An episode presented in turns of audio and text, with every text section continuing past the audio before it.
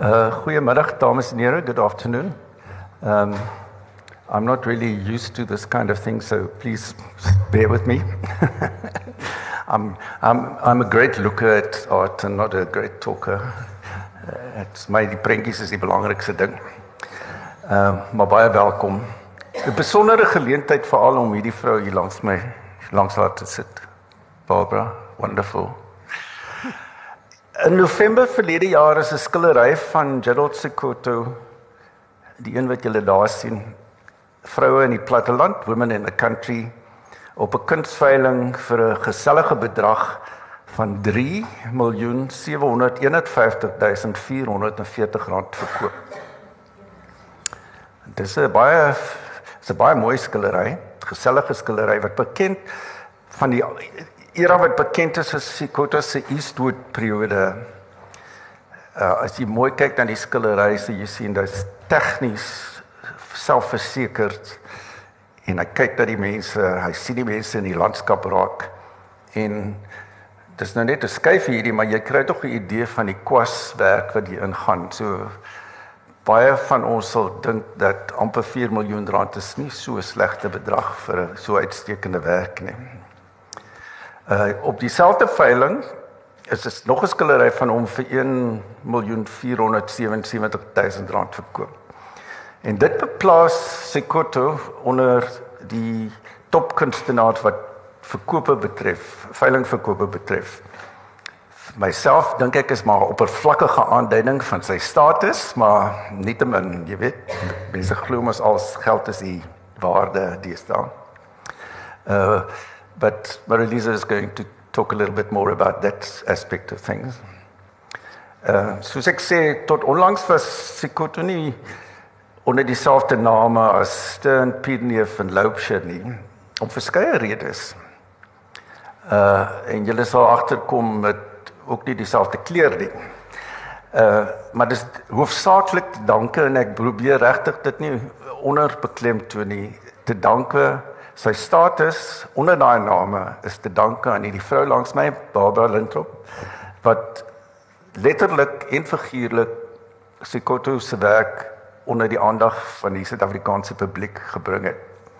Uh sy sal wonderlike stories van hom vertel, so ek gaan nie te veel daaroor uitwy nie, behalwe om te sê dat Sikoto uh, reeds in die 40er jare saam met baie van die bekendes in die Kaap uitgestal het. Uh Barbara ken die geskiedenis veel beter as ek. So hy was inderdaad die eerste swart kunstenaar wat in die topgeleedere van Suid-Afrikaanse kuns op daai stadium gewerk het. Heeltemal 'n ander tyd natuurlik hier voor oorlog en so aan. Ehm um, maar ons is hierso om rede die boek ehm um, dis 'n Dis 'n boekfees hierdie. So die klem val op hierdie wonderlike publikasie. Phyllis and Porter, originally Shorty and Billy Boy.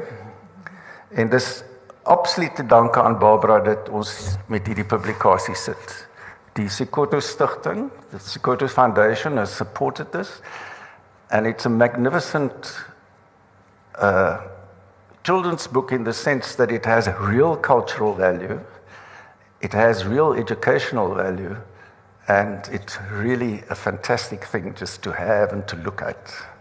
As ek wil julle aanmoedig ons het die oorspronklike Engelse ene en die splinte nuwe Afrikaanse weergawe en die boekie is al 11 tale beskikbaar.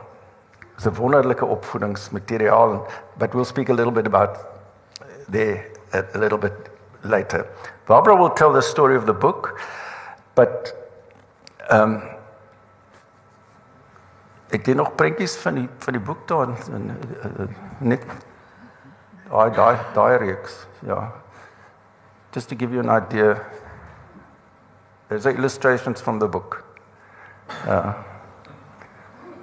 dit en dit is belangrik om die goed te sien want uh, in die lig van Sekoto se werk vandag. Uh o ja, ek ek weet nie of ek genoem het nie. Eergisterand is daar een van sy skilderye by Strass and Company verkoop vir ek dink ook 1.5 of so iets miljoen. en die skildery is so groot soos die boek. Uh die donkiekar. Ehm um, soos ek sê Barbara gaan vir ons die storie vertel van Phyllis en Pote. Maar eers gaan Marlise vir ons 'n die konteks gee van vandag Sikoto in die kunsmark want ek dink dit is 'n baie belangrike aspek van sy waarde in ons kulturele soort van lewe. Maries. Dankie Melvin. Ehm um, okay, ons kan oorgaan na die ander folder toe. My naam is Marilise. Ek is van Aspire Art Auctions en ek het 'n verskriklike lekker werk. Ek werk met kuns en ek verkoop kuns en ons doen navorsing oor kuns. So mense um, kan sê ek het my koek gekry en ek eet dit aan beide kante. En uh, maar ek wil so oorsig gee van uh, Gerard Sekotto se ontvangs en hoe die Suid-Afrikaanse publiek hom gesien het en ook wat die resultate op die mark was. Ehm um, sy hy het vir die eerste keer toe hy Johannesburg toe getrek het uit in Sophia Town gaan bly in 1939 het hy vir die eerste keer by die Gainsborough Galleries uitgestal. En dit is dieselfde soos ek noem, dieselfde jaar wat hy na Johannesburg toe gekom het. Juis na hierdie uitstalling het hy redelike bekendheid verwerf onder die Johannesburgse kunsliefhebbers. Dit was ook in daardie jaar wat twee van sy werke aanvaar is vir die uitstalling by die Suid-Afrikaanse Akademie. Dit was 'n uitstalling vir kontemporêre Suid-Afrikaanse kuns op daardie tyd. So teen 1940 het hy redelik publieke erkenning geniet vir sy werke, soos genoem veral onder die kunsgemeenskap in Johannesburg, wat daardie tyd as 'n mens kon kan sê jou progressiewe Joodse gemeenskap was. So 1940 was 'n groot jaar vir Sekotto geweest. Dit was toe die Johannesburgse Kunsgalery een van sy werke aangekoop het en dit is hierdie werk wat julle op die skyfie sien, getiteld Yellow Houses Sophia Town. Dit is ook gedateer 1940. Nou dit was nogal groot nuus geweest. Dit was die eerste keer dat 'n publieke museum in Suid-Afrika die werk van 'n swart kunstenaar aangekoop het. Daardie tyd die stigtingsbeleid van die museum was ook gewees dat hulle slegs werke van internasionale standaard sal aankoop. So hulle het nog nie regtig Suid-Afrikaanse blanke kunstenaars aangekoop nie, maar wel Sekotto se werke aangekoop. En uh Soos genoem, dit was die eerste keer dat 'n swart kunstenaar in 'n publieke museum in Suid-Afrika opgeneem is en dit was hierdie werk was tot en met die 1980s die enigste werk deur 'n swart kunstenaar in die Johannesburgse kuns um, museum se permanente versameling. Maar kort daarna tussen weer in 1941 en 1942 is sy werke weer aangesluit by die Suid-Afrikaanse Akademie en hy sou dan nou natuurlik jaarliks deelneem aan hierdie groot uitstalling totdat hy uh, Suid-Afrika vir Parys verlaat het in 1948. Wat vir my interessant was ook, mense dink altyd 'n mens uh veral met baie swart kunstenaars dat 'n mens 'n storie gaan sien van dat hulle werke verskriklik baie afgeskeep was en dat hulle werke nie gesien was nie. Die geval met Sekotto het ek nogal gesien was eintlik anders. Sedert 1939 het hy eintlik heel gereeld amper elke jaar uitgestal. Nie groot solo uitstallings nie, maar hy was altyd in groepsuitstallings um ingesluit en hy het baie in Johannesburg um uitgesal en dan ook in die Kaap toe hy hierheen vir um uh, getrek het in 1942 en soos Melvin genoem het het hy ook betrokke geraak by die nuwe groep. En dit was nou 'n groep kunstenaars waaronder Gregoire Boonzaaier, Walter Battes, Lippie Lipschitz. So hy het saam met hulle ook in die Kaapse gallerye uitgestal. In 1947 het hy weer 'n baie groot solo uitstalling by die Gainsborough Galleries in Johannesburg gehad en dit het vir hom redelike finansiële sukses gegee en kort daarna weer in Pretoria by die Christie's Gallery en dit het hom in 'n finansiële posisie geplaas om voor te berei om Suid-Afrika te verlaat. Natuurlik weens die sosio-politieke um, situasie en oor dat hy oor die rasse spanning natuurlik. Ehm um, So op die ouderdom van 33 trek sy kort toe Frankryk toe en um na Parys toe En um, hy het nogal redelik vroeg ook uit met die regte mense gemeng daar. Hy was ook hy het ook as 'n musikant gewerk in die kroe en die French cafés. So hy het gou-gou betrokke geraak by die kunsgemeenskap in Parys en hy het weer eens vinnig lof gekry vir sy werke en ook aan groepsuitstallings deelgeneem. Sy eerste solo uitstalling in Parys was natuurlik in 1949 gewees. Maar wat baie interessant was, 'n jaar voor dit was hierdie werk wat getitel is Sixpence a Door, ingesluit in 'n groot internasionale uitstalling getitel Contemporary South African Painting, Drawings and Sculpture. Dit het oopgemaak by die Tyd Galery in Londen, waarna dit vir uh, getrek het en gereis het na België, Nederland, Frankryk, Kanada en die VSA. En dit's nou nogal 'n interessante storie dat die koningin het 'n baie positiewe aanmerking gemaak op hierdie werk. Sy het baie van die werk gehou en dit het natuurlik die koerante gehaal die volgende dag en toe vir Sekoto ook weer um in die kollig geplaas daarna. Um Dit is ook net belangrik om te noem dat sedert hierdie uitstallinge het hy ook weer gereeld uitgestal in Parys. Hy het ook weer uitgestal in Pretoria in 1950, ook 1952 by die Van Riebeeck fees en 1973 by die Pretoria Kunsmuseum. Maar wat interessant is van hierdie spesifieke werk Sixpence at the Door wat nou by hierdie groot internasionale uitstalling gewys het, is dat dit het verkoop in 1991 vir 186000 rand. Dit was toe 'n rekordprys vir 'n lewende Suid-Afrikaanse kunstenaar en um wat ek dink nogal besonder is as 'n mens ook kyk na die kulturele konteks waarin al hierdie goed gebeur het. Maar interessante ding alhoewel hy redelik plaaslik en internasionaal uitgestal het, het ons sosio-politiese omstandighede in Suid-Afrika daartoe gelei dat sy kunsnalatenskap en dit wat hy gedoen het uh, was afgeskeep gewees. En ongelukkig het die mark ook gevolg. Uh die mark werk altyd gelyk met wat in die kulturele wêreld aangaan. So dit was tot en met die laat 80s met die verskyning van Barbara se boek natuurlik oor ehm um, Sekoto se werk en 'n retrospektiewe uitstalling by Jag wat sy werke weer in die kolle geplaas het en daar het die mark weer gevolg. En uh, so daar kan ons sien ehm um, dit is ons werk van al hierdie verkoopsindekse af. Ons werk op die sekondêre mark wat beteken alle werke wat verkoop word op hierdie mark word gepubliseer, die resultate word gepubliseer, so dit is beskikbaar vir ons om na te kyk. Ons kan daar sien sy mark is redelik sterk soos Melvin ook genoem het. Ehm um, en sy werk is hoogs versamelbaar sedert die vroeë 1990s. Uh Melvin het op ook genoem dat dit bring Sekoto onder die top versamelbare kunstenaars. Ek het gisterand gekyk na die um 2016 African Art Market Report en onder die top 100 moderne kunstenaars van Afrika staan Sekoto op nommer 50 wat 'n baie baie goeie posisie is.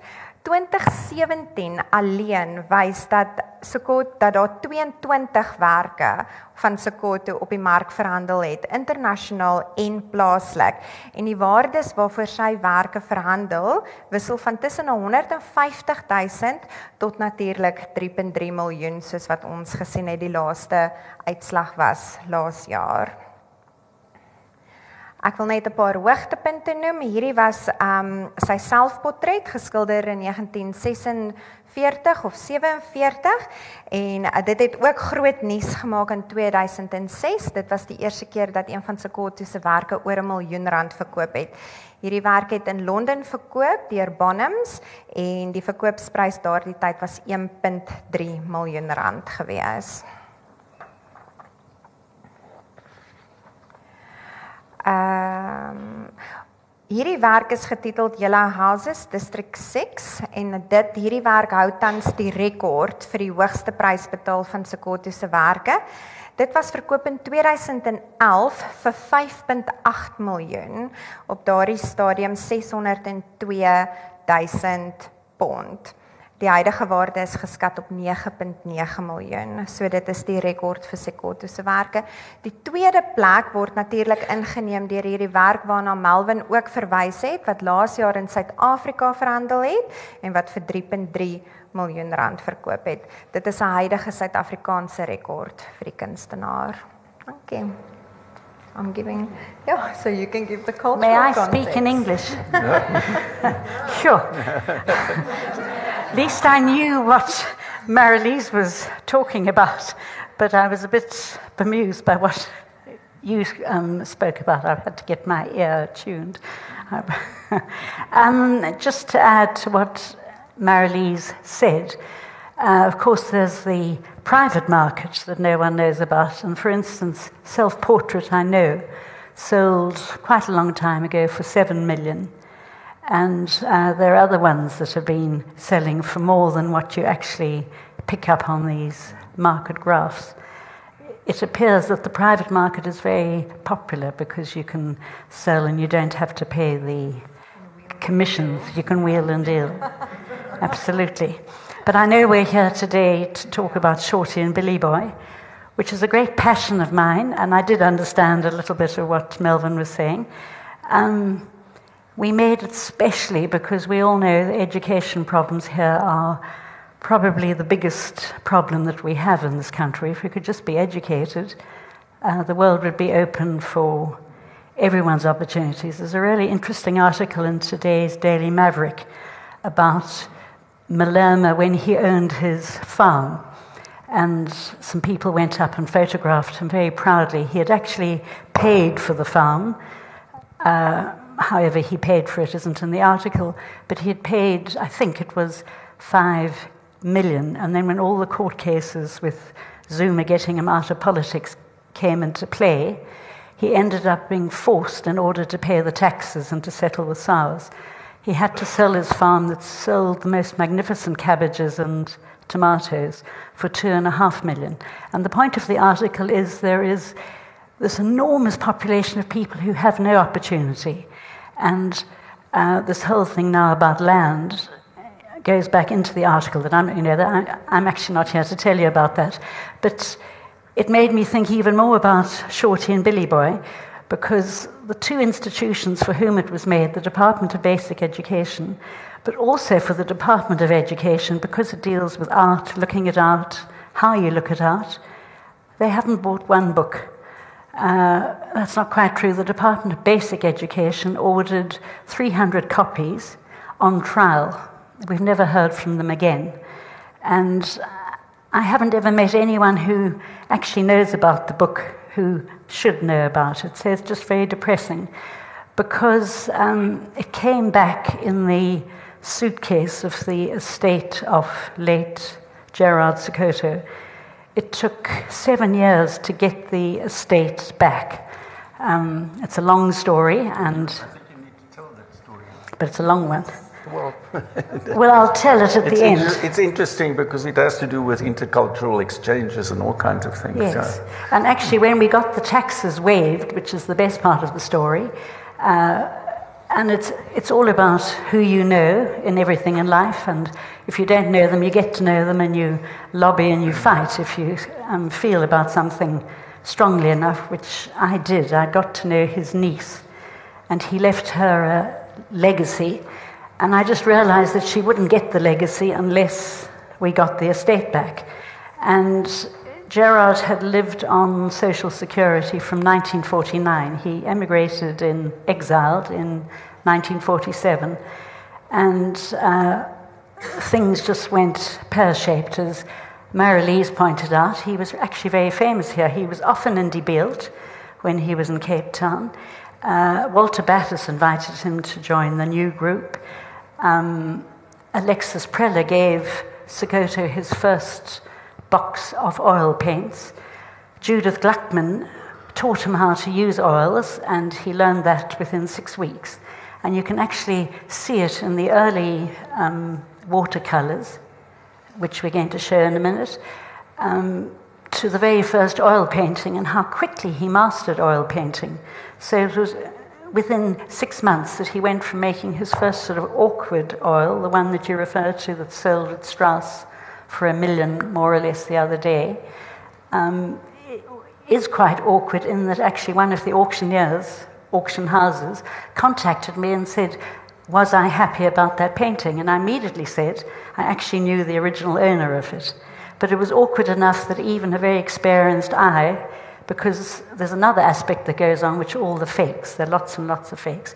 But to get back to this, um, living on social security, by the time he died in 1993, uh, he was very wealthy, maybe not by French standards, by his own standards, because the first book I published was in 1988. He had over a million French francs in his account, which he hadn't told the French anyone about, but he did have bank accounts. And when the government realized that there was this amount of money, they immediately impounded his estate because he hadn't paid social taxes and all the other things you've got to do in France. So, um, so began the battle.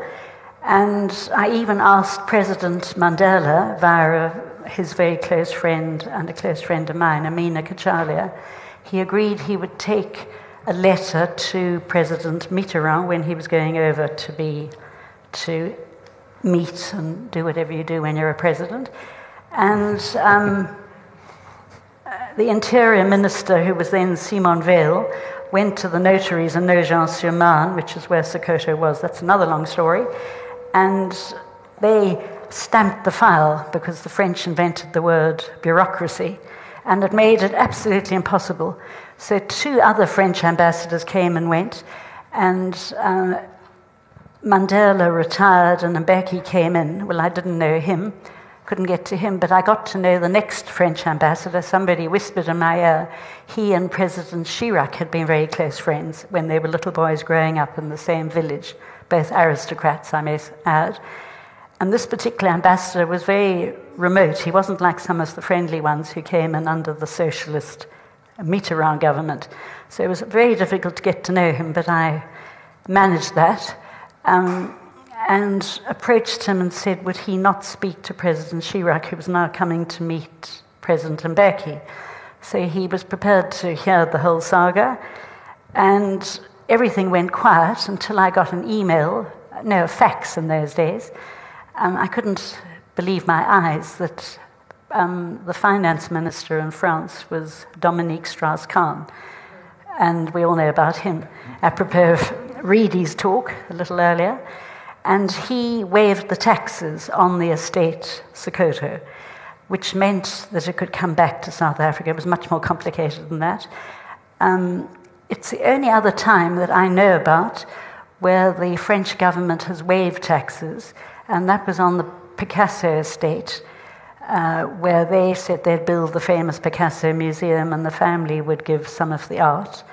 Uh, and the, uh, the deal was done. So it was a very exciting and important moment for us. Um, the estate eventually came back. It comprised a little suitcase. And funny enough, there is a drawing in one of the books that I've been involved in publishing, a very simple little drawing of a man, artist, holding a suitcase asking the way to Park Station, which was the autobiographical little drawing of Sekoto going to Park Station, asking the way to come down to Cape Town to take the Carnarvon Castle to England, which is how he left. And in the suitcase, it was the same little suitcase, you can see the proportions, was uh, over 300,000 little sketches, extraordinarily important documents, letters, all sorts of things. Um, plus, there were some very big canvases. And the French government had said, in order to bring it back, it must be a fondation. So that's how we got the foundation bit. And you'll see now everyone's got a foundation. But I can tell you in 1995, no one had a foundation, they had trusts. Um, and they wanted it to go to an institution, which is why we chose the Iziko South African National Gallery Museum. We had the best and only decent Minister of Arts and Culture we've ever had, Brigitte Mabandla. She went out of her way to help. But when it came to the legacy, because of course that million francs went, it went on tax, it went to the old age home where he hadn't paid anything, it went to the notaries, those miserable little notaries who wouldn't let go of their files in Nogent-sur-Marne. So, and Gerard had been buried, my husband and I, and we had had some incredible friends who managed to raise air tickets so that some of the family could go to his funeral. He had been buried, but he didn't have a headstone. So the last bit of money, we asked, could we make a headstone? We got the family involved, and we made a very beautiful headstone in marble that now covers his grave. Sadly, I don't think a lot of people ever go to visit him, but we always try here when we go to Paris. In, in Nogent-sur-Marne. That's another long story. I have to skip it to get back to the point. so, um, Brigitte Mabandla said, Well, the government, the South African Department of Art and Culture, that stage I think it hadn't gone back to, it, it had come out of science and technology and it was now a single. Gloomy news is we believe that it's now going to be put back into sports and soccer and rugby. Uh, but at that stage, it was a, single standalone department, and the money for the niece uh, was given actually by the South African government and then no one was allowed to know because, as Brigitte Mabandla said, we'll have our door being knocked on every second of the day with people coming to ask for legacies. Um, and so this came back. The suitcase initially came to me, and I had lots of time to go through it and actually see what there was. Mandy van der Spuy, who's been an extraordinary person within the arts world, working for Standard Bank, looking after that Standard Bank whole arts program for years, gave 10,000 Rand for the whole collection to be written up by a young MA student. And in opening up the suitcase, there were the musical compositions of Sekoto that he had. Um, I've always argued, and you can see it in his work, that he was a musician before he became an artist. His father was a proselytizing um, missionary working for the Lutheran mission station and was, had been sent up to Limpopo. Um, so we found these incredible little musical compositions and a four page foolscap which comprised Shorty and Billy Boy.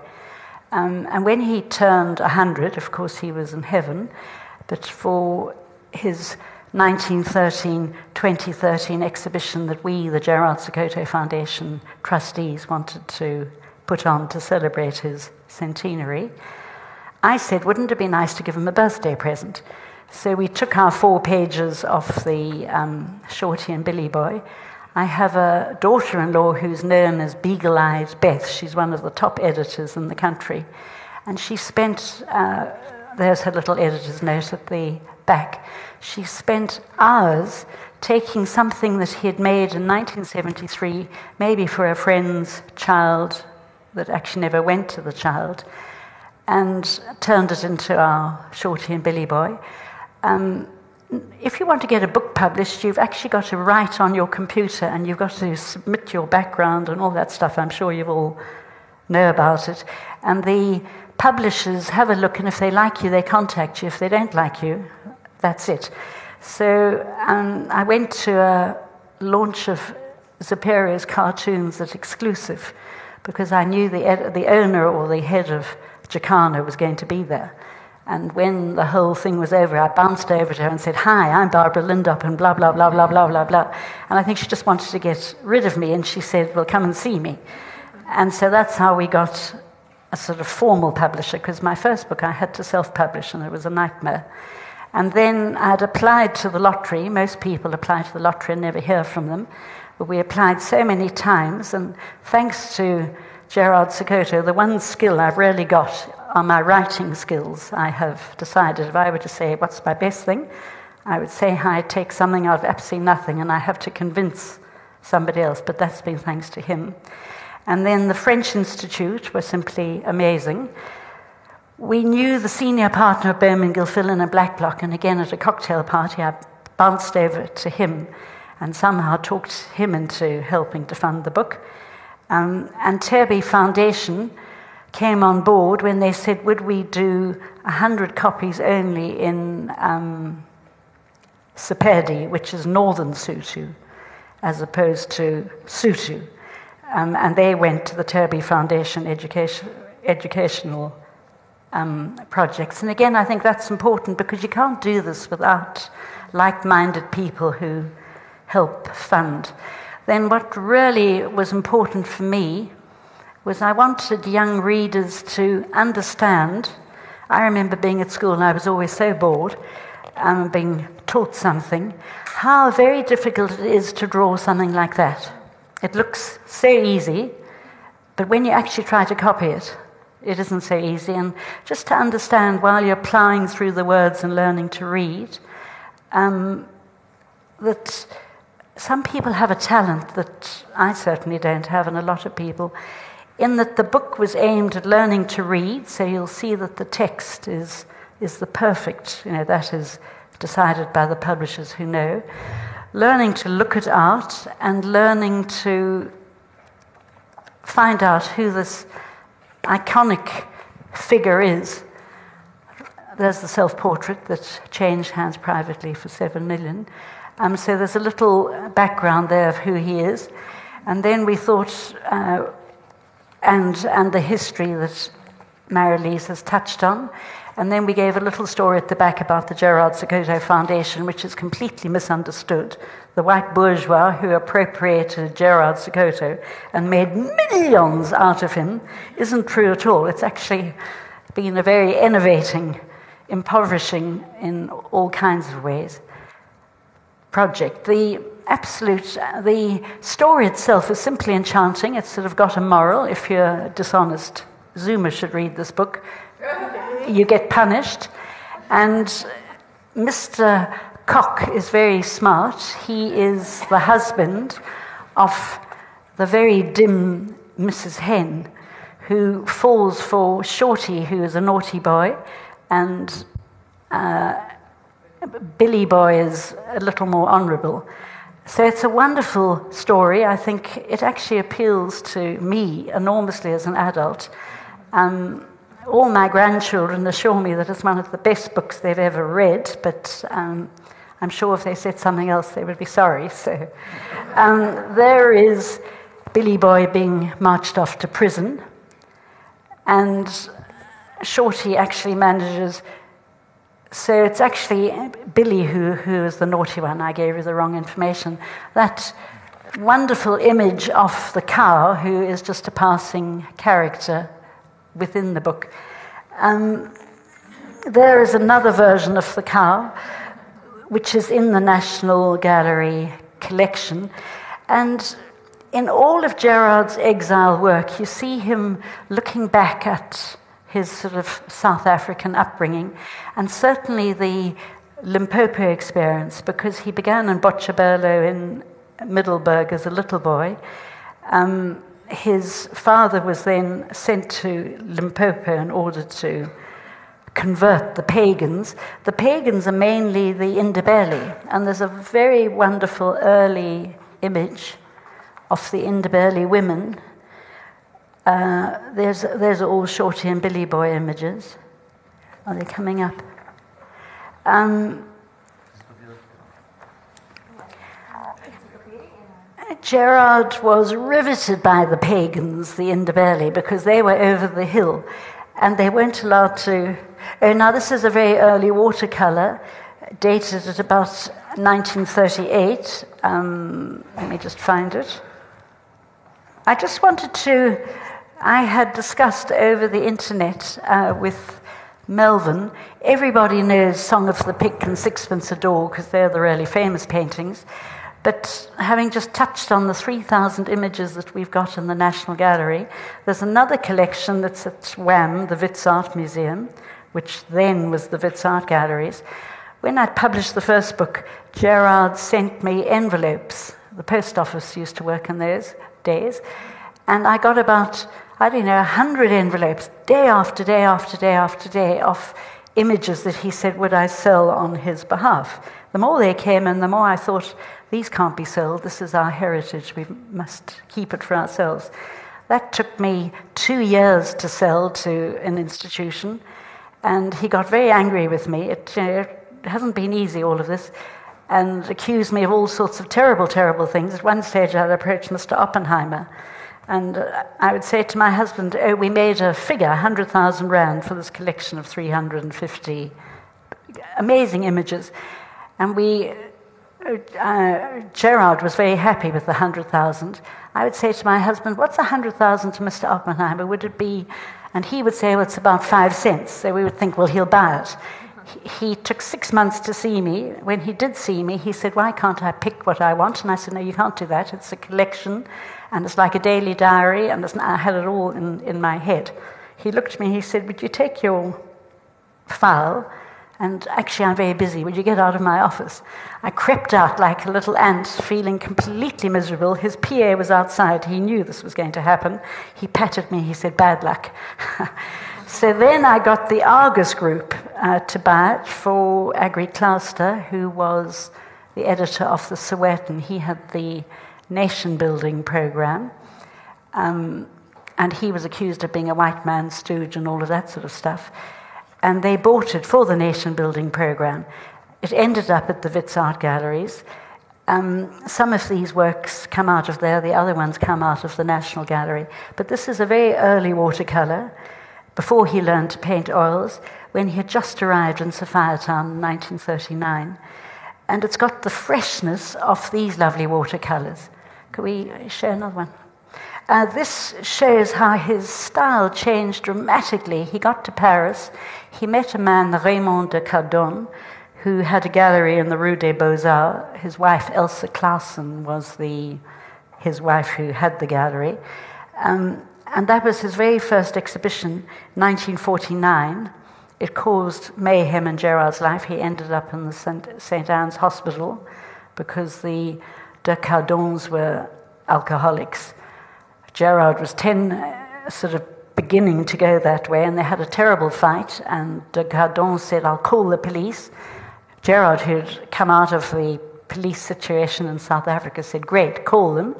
You can imagine the police arrived, and there they were boxing and fighting, and heaven knows what was going on. And the police said, Il est fou, he's mad. So instead of taking him to the police station and just telling him to behave, they took him to the mental home. 1949, just post war, you can imagine there's black man in Paris. Uh, but you can see how he changed his style complete, complete. Is that me? Yes. Uh, trying to win the Parisian atmosphere. So the next one this one again is early. I just wanted to show it because it sums up. You can see the whites are in long blue uniforms, the uh, other police are in their little shorts, the old style, the way it was. Again, that freshness. This is a very early one, 1938. That's in the Sang Ezekiel collection. It came back in the suitcase.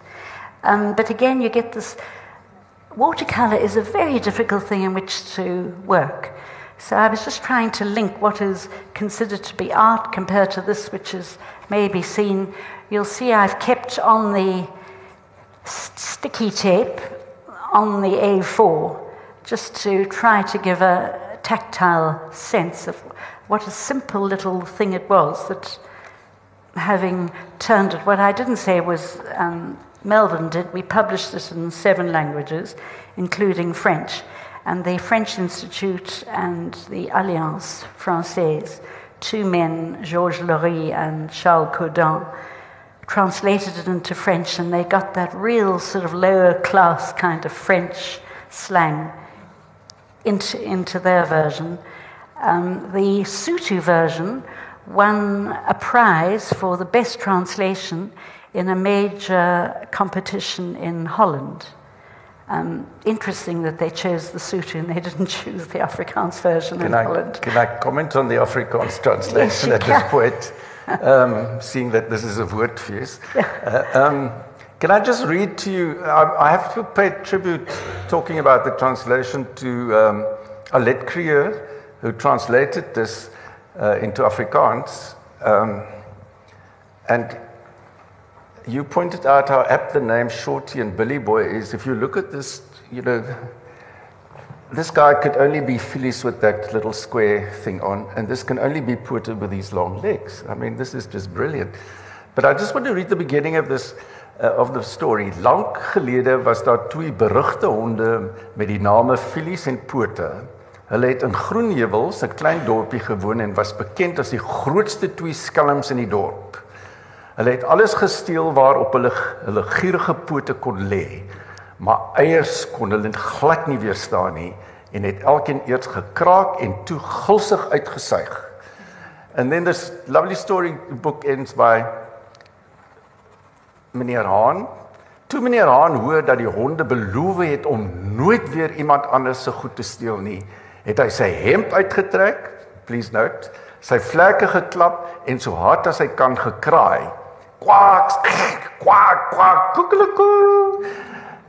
The immediacy of the language to me, die onmiddellike morele aspek kom van die begin af deur in die boek. Die storie is pragtige storie vir kinders. Baie van my vriende sê die kinders is uh, uh, stryd om van 'n Merwe sê sy sy kinders is mal oor die boek. Dit is so direk. And then of course the illustrations, I mean it's just the wonderful way in which it it sort of just comes alive the on the page. I think what we've tried to do as the trustees of the Sekoto Foundation is to show that he is our Michelangelo. He is an extraordinary artist. You saw that early work. You saw Sixpence a Door. You probably all know Song of the Pick, the, the famous ones. Um, he, in 2002, I put together a band of unknown musicians who we quickly called the Blue Heads. And our CD, it did take four years to make it because it was the biggest band, I think, in the world that didn't read music. It was all by ear. And on a Friday, we'd be perfect. On a Monday, we would be absolutely useless. So we'd start all over again. And I would just get more and more funds from all sorts of amazing people who believed in the project. And when we did make our CD four years later, uh, we were shortlisted for the Sama Awards. Um, but the music is very much like Shorty and Billy Boy. It's got, as one aficionado said to me, it's got long legs. And um, Richard Koch in 2015 had the music, I don't know how you say it, transformed for an orchestra. And it was performed at the Grahamstown Festival to a standing ovation. And then Andre Le Roux at Samro got Concord Nkabinde to take our music, but to make it really top level jazz. And it was performed at the uh, Samro International Scholarships Awards, where they were giving prizes for classical and jazz compositions. So we have tried to show our Renaissance man, Gerard Sekoto. The problem is we've got a government who's not the slightest bit interested, and we have no art education in the rural schools and a lot of the lesser schools. Obviously, if you go to a private school, they all do Sekoto for matric, but others don't. And I do a sort of taste test whenever I go to a garage or go to shop at Pick and Pay. I'll say to, to whoever I'm paying, have you heard of Gerard Sekoto? And I usually get eight. so I know we haven't nearly got where we want to be. But I think he is an iconic artist. There are many of his colleagues who haven't been recognized, who languish, only the few art specialists would know about them. Um, but he deserves, it isn't sort of white patronage or me being the bourgeois, it is, he is an artist. He's, he has work in the Philadelphia Museum. He now recently has some, thanks to, funny enough, um, Bill Cosby in the new African Washington Museum. Uh, in the African Smithsonian, there's a work that was bought from uh, Veltz several years ago. Um, slowly, his international reputation is growing, and it seems, even with William Kentridge, he had to get famous there before he really got famous here. It's mm. sort of one of our uh, problems. Mm. I think that, that, this is why this book to me is also so important. Uh, on the back, it's so educational. It gives, you know, the young person who reads this book in any of those languages now immediately con- makes contact with this iconic artist, you know, and this, it's beautifully summed up, these beautiful paintings at the back. It just struck me now looking at these paintings, how Sekoto's humanism comes out. Mm. You know, this kind of, I think it's probably all from the 40s really, you know, they were, they were so passionately romanticizing this humanistic view, you know, the gaze on this. And of course, it recorded the particular kind of life, the township's life, township life, which nobody really did in those days. So this is also extremely valuable. So all in all, a beautiful story, the book, to start off with, with the moral at the end. Do not steal, do not get corrupted. And then learning about the artist. And important to me too that the illustrations are just not simple, but so direct in comparison to something that would sell for four or five million rand. But thank you, ladies. Thank you, everybody, for Thank coming. you. The book is for sale over there. Thank you, Melvyn. Sorry. Yes? I cannot come from the time you did not say that. Um, you didn't mention anything about, uh, I, I mean, I read what I could. Uh, he was born outside Limpopo in the went to Limpopo, but where did he actually develop style? Oh, when he uh, when he left, funny enough, his older brother was expelled from the Botshabelo Lutheran because he had a fling with a girl, I think. So his father was so angry, he took both sons out and sent him sent them to the Anglican mission school, which was in Polokwane. And from there, they both graduated as teachers. Gerard went to the Khaiso school in Seshego Township, uh, which, of course, Julius also graduated, as did Desmond Tutu. So it's a very famous school. And um, there was Ernest Mancoba, who you may or may not have heard of, who was slightly older than Gerard. He and Nimrod Ndebele uh, was there as one of the teachers. Njabulo Ndebele, you've probably heard of, he's been the vice chancellor at UCT for a while. Uh, they were all there. So there was this group of highly intellectual aristocrats, really, in, in, um, from their own family backgrounds. And Ernest said to Gerard, I'm leaving, I'm going to Paris, it's the center of the world, come with me. Gerard said, I can't go, I haven't even left Limpopo. Ernest left. Gerard then, his father died. His father didn't approve of the art. Gerard had been painting and modeling the stuff as a child, and his mother, it's always the mother, encouraged him, and he would do it sort of on the side and secretively. So when he got to the school, he was very much encouraged by Ernest and Nimrod, and he'd allow them to peep over his words, over his shoulder, encourage him. He entered the May Esther Bed- Bedford competition of 1938. May Esther Bedford was a very proactive uh, encourager of all things artistic.